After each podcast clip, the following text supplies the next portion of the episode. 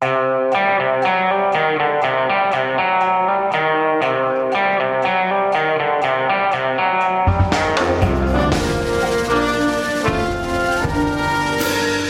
Joe Biden var ikke ferdig. Tidenes mest spennende presidentvalg fortsetter inn i sitt tredje døgn. Ja, Hanne, du var litt uh, nedfor da vi prata sammen for et uh, døgn siden. Er uh, humøret bedre nå? Det er det. bra. bra. Hvor er du hen? Nei, Vi dro grytidlig i dag morges. Vi skjønte at det var ikke noe mer å gjøre i Florida, så vi sto opp klokka fem. Ja. Tok flyet hit til Philadelphia, så nå har vi vært her i dag. Og jeg har dratt fra Texas, hvor det heller ikke var noe særlig mer å gjøre. Vi, vi må bare si at vi gjorde ikke helt fotarbeidet som vi skulle der i eh, solbeltet til, til Biden. Nei. Eh, så jeg er i eh, Detroit, Michigan. Og dette er jo da altså en stat som nå er gått til Joe Biden, rett og slett. Ja. Mens i Pennsylvania, der, eh, det er den, eh, det er den eh, blir den vrangeste å få gjennom, tror du ikke det? Jo, men samtidig det er fortsatt veldig mange stemmer som ikke er talt opp. Det er et stort forsprang til, til Donald Trump, men det krymper stadig vekk. Og det som gjenstår å telle opp, det er jo storbyene. Pittsburgh eh, eh, Philadelphia. Philadelphia, takk. takk. Det har vært veldig lite søvn. det er der vi er nå, faktisk. Philadelphia. Det er storbyen som gjenstår, og der er det i all overveldende grad eh, demokrater. Så det kan faktisk gå veien for Joe Biden også her. Nå var jo Guliani, advokaten til eh, Trump, her i ettermiddag og holdt pressekonferanse. Nå skal vi finne ut hvor mange døde mennesker som hadde stemt, var det ikke det han sa? Ja, masse Han skulle finne ut alt var gærent her. Nå skal de gå til søksmål for å stanse tellingen. For det er helt åpenbart for alle at Donald Trumpen har, Trump har vunnet, og alle stemmer må telle med. Og derfor skal de ikke telle alle stemmene. Det er resonnementet til Guliani. Ja, nei, vi, vi må ta, ta litt mer om hele denne strategien til, til Trump og hans, eh, og hans lystige menn. Men uh, først si at altså, nå er klokka omtrent fire på natten uh, norsk tid. Uh, det er Biden ligger en Er det åtte valgmannsstemmer unna å vinne? Men de finteller nå i de avgjørende statene. Det er blitt sagt at det kan komme nyheter i løpet av i løpet av ettermiddagen og kvelden, så det kan jo hende at noe har skjedd når folk eh, hører dette om noen timer. Men det, vi, vi har vært gjennom litt sånne vanskelige nå, Hanne, med nettopp hva skal vi skrive akkurat nå, og hva skal vi si akkurat nå, fordi tingene har forandret seg så, så veldig løpende. Ja, Dette er en veldig krevende øvelse, også journalistisk. nettopp fordi at En ting er å skrive nettkommentarer og være live på TV, og sånn, men å skulle skrive noe eller levere noe som skal stå dagen etter, når det skjer sånne ting time for time, det er, det er noe av det vanskeligste synes jeg, i denne type saker. Ja, men nå syns jeg det er vanskelig bare skulle snakke sammen nå. Altså, hvis vi legger oss sånn eh, litt over midnatt og sånne ting, og så uh, hører folk det en time etterpå, så kan eh, det, det er mulig at det da er helt, uh, helt bortkasta. Men det som, det som da skjedde i løpet av uh, onsdagen, det var jo da altså det omvendte i, på en måte i nordstatene av det som hadde skjedd i sørstatene. I sørstatene så telte man først opp alle de poststemmene og forhåndsstemmene og sånn. De eh, favoriserte Biden, og så kom stemmene fra selve valgdagen inn, og de favoriserte Trump. Og, og dermed fikk han et veldig sånn psykologisk Han vant Florida, hadde et psykologisk overtak gjennom hele valgnatten. Men så utover det som da ble hva skal man si, morgendagen hjemme i Norge, så begynte man å telle lenger nord. Og der hadde man starta med valgdagen, og så, og så har Biden da bare kommet eh, sterkere og sterkere. Og vi skal være veldig forsiktige med å forskuttere, men han eh, ligger bedre an enn Donald Trump til å vinne. Det tror jeg man må kunne si noe Absolutt, og det har snudd. Og, og jeg hørte en som sa at eh, hvis du bare hadde sett på, på forhåndsstemmene, så hadde eh, Biden antagelig vunnet helt eh, både New York og Connecticut. Hadde du sett på bare valgdagsstemmene, så hadde Trump vunnet Nei, unnskyld, det var feil. Hadde du sett på bare forhåndsstemmene, så hadde altså eh, Biden vunnet omtrent alt. ikke sant? Og hadde du sett bare dagsstemmene, så hadde Trump vunnet omtrent alt. Det var stor, stor forskjell på forhåndsstemmer og valgdagsstemmer i år. Og det er, litt, altså, det er jo det som har gjort det vanskelig for eh, meningsmålerne. Vi må, vi må ta og høre litt om hva vi mener om meningsmålerne i dag, Hanne. Vi har skifta litt der.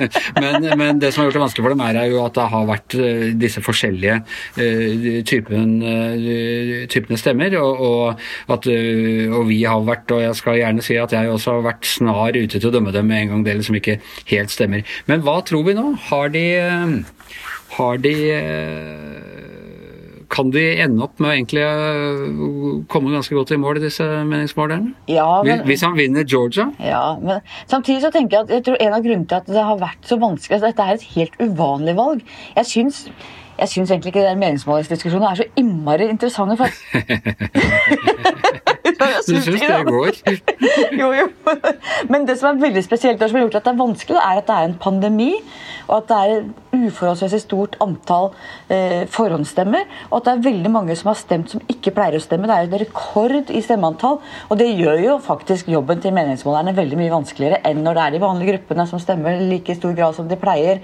Så det har vært et spesielt år på alle vis. Eh, og veldig mange som har stemt, ja, eh, til tross for pandemien. altså Biden har jo da fått flere stemmer nå enn noen eh, kandidat noen gang har fått eh, ved valg. Eh, Det er jo selvfølgelig fordi altså, folketallet øker jevnt og trutt i, i USA, men det, er, det sier også noe om, om den valgdeltakelsen.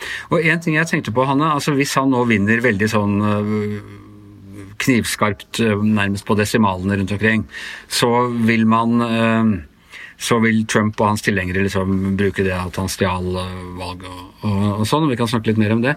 Men en annen ting er at han vinner jo nå også the popular vote med enda høyere tall enn det eh, enn det Trump tapte den med forrige gang.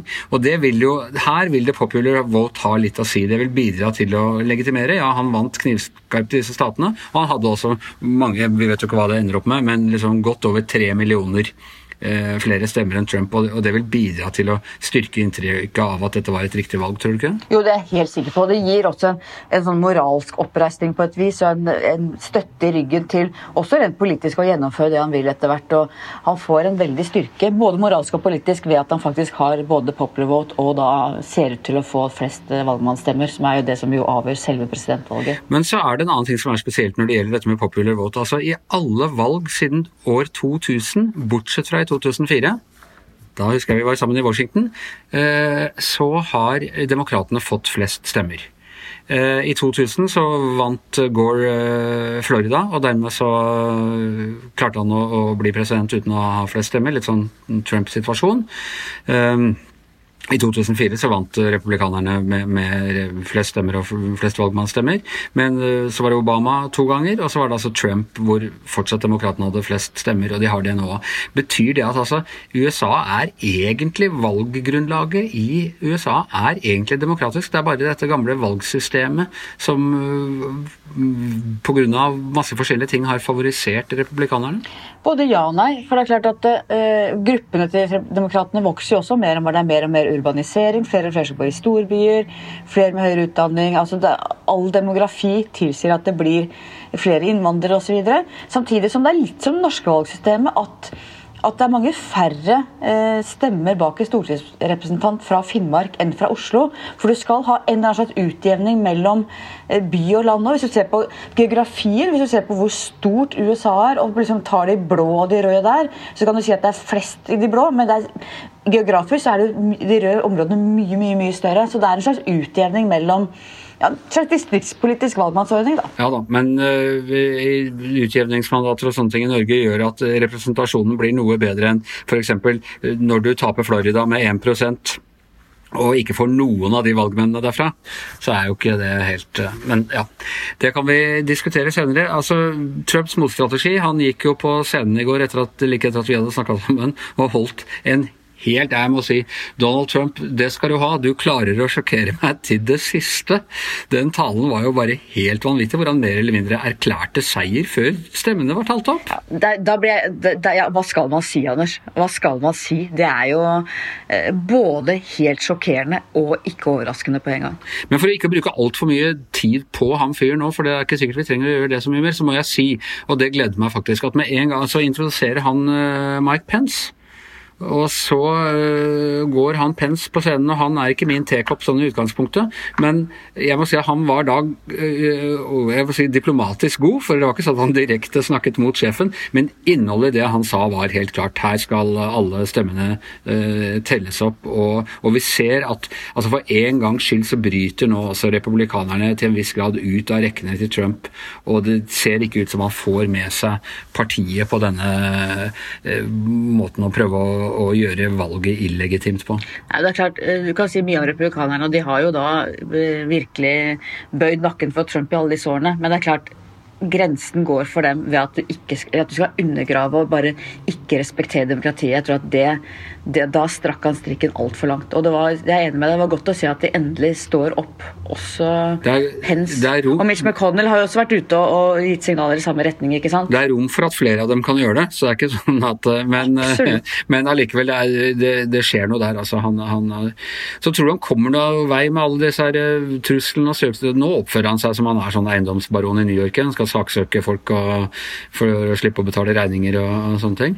Ja, og det er jo helt motstrid, ikke sant? Hvor eh, han vil, eh, ikke, han vil stanse opptellingen i Pennsylvania, der hvor han har eh, flertall. Men han vil fortsette opptelling i Nevada og Arizona, for der ligger han etter. Så det ikke, henger jo ikke på greip noe av det han sier heller, sånn rent eh, logisk. Og et av disse varslene hans søksmål skulle gå på noe sånn 53 stemmer. Ja. Eh, Et sted hvor det liksom står om eh, en halv million stemmer, så ja. Nei, dette virker som de siste Altså, og det gir jo veldig inntrykk at han har sluttet å tro på demokratisk seier selv. At han, ikke, at han rett og slett ikke kommer i mål eh, på dette. Han er desperat, og vi vet han hater tapere, og han hater å tape. Og nå tror jeg han bare er i en eller annen sånn følelsesmessig eh, rant hvor han bare kaver for å gjøre det han tror kan være mulig for å unngå tap. Det var en reportasje i New York Times som fortalte litt fra hans indre sirkel at han har gått rundt den siste siden og sagt at eh, eh, jeg kan ikke tro at jeg taper for, og så skriver New York Times her brukte presidenten et sterkt nedsettende ord, fyren. Men, eh, men ja. Nei, men eh, det får skje. Eh, Biden var og holdt tale her for noen timer siden. Den hadde han forberedt seg på. Det øyeblikket eh, Biden prøvde første gang jeg husker, første gang jeg hørte om Joe Biden, var i 1988. Han prøvde å bli demokratenes presidentkandidat da. Da var han regnet som den, da var han den yngste kandidaten. Nå kan han bli den eldste presidenten noensinne. Ja, tenk det. Og det forteller både hvor lenge han har vært i politikken, og det forteller hvordan, eh, hvordan politikk er eh, Uforutsigbart, tilfeldig og- og ufo, ja, uforutsigbart. Og virkelig Det er ikke sikkert Han jobba sikkert mye hardere den gangen han var ung mann og hadde mer energi, mens nå er han gammel statsmann og eh, mindre krefter med mer erfaring og blir faktisk valgt, da. Omsider. Nå får vi se hvordan dette her går, men vi må ta en ordentlig podkast og snakke om Joe Biden. Fordi eh, ja, han har vært framme om han har kjent til han og, og, jeg har skrevet profiler på den og sånne ting da han ble visepresident, men det er en fascinerende historie, og det er en veldig på en måte ja, fascinerende og rar ting at han nå blir, eh, kan bli president eh, i USA. Eh, nesten 78 år gammel og fra en annen tid, altså. Så er det en fascinerende personlig historie. ikke sant? Man mistet eh, kona og datteren i en bilulykke, stor sorg, oppdra barna sine aleine. mista ene sønnen i kreft. Mm. Fant kjærligheten igjen, og som ser ut som et veldig vakkert kjærlighetsforhold. Altså, det er også en, en veldig sånn appellerende, fin eh, personlig historie òg. Ja, da, den, eh, den slår godt an i USA, den historien der. Og du ser hvordan de har kjørt altså, disse bildene, og hvor hans empatiske evner og, og i det hele tatt. Og det skal jo også bli spennende å se. Jeg så på Fox News i dag. Jeg må si hatten av til Fox News. De, da, eh, de har da eh, erklært Arizona som vunnet, og der er de blitt utsatt for temmelig mye grov kjeft fra Trump og co. Men der står de bare på, på grunnen, eh, grunnen sin.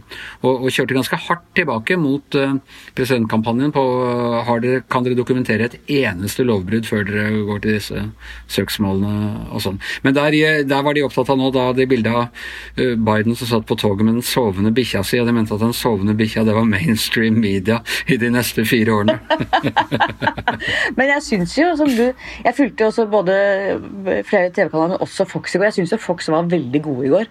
Både med tallene og nyhetsmeldinger og alt. Altså, Fox, Fox News er ikke noe annerledes eh, sånn sett enn CNN. De har en mer sånn konservativ slant, men, men, eh, men CNN har en liberal. Hvis du trekker fra Tucker Carlson og Sean Hannity og et par av de damene, så, så er det ikke så veldig. Ser fra et litt mer konservativt eh, tidspunkt, og de var i hvert fall eh, ja, Jeg syns de var helt gode i dag. Ja, jeg er enig. Ja ja, Hanne. Vi skal, eh, vi skal på TV også, så Vi leverer på alle plattformer. På alle plattformer, kontinuerlig. Både på alt fra fax, Snap har vi ikke. Snap er vi Ja. dårlig. Får vi se hvor vi møtes i morgen, da. Det er jo ikke godt å si. Og hvor, ja, hvor, eh, hva som har skjedd eh, i morgen, for noe tror jeg da kanskje har skjedd. Ja. Men Giæver og gjengen er over eh, for i dag på hotellrom i Philadelphia. Handelskartet. På hotellrom i Detroit. Anders Giæver og NIS stått opp for å klippe sammen det hele, sånn at eh, denne podkasten skal komme ut til eh, morgenfuglene er vår Høyesterettspodtistiarius Det klarte jeg ikke helt å si på en måte. Magne Antonsen. Eh, Vi høres igjen i morgen.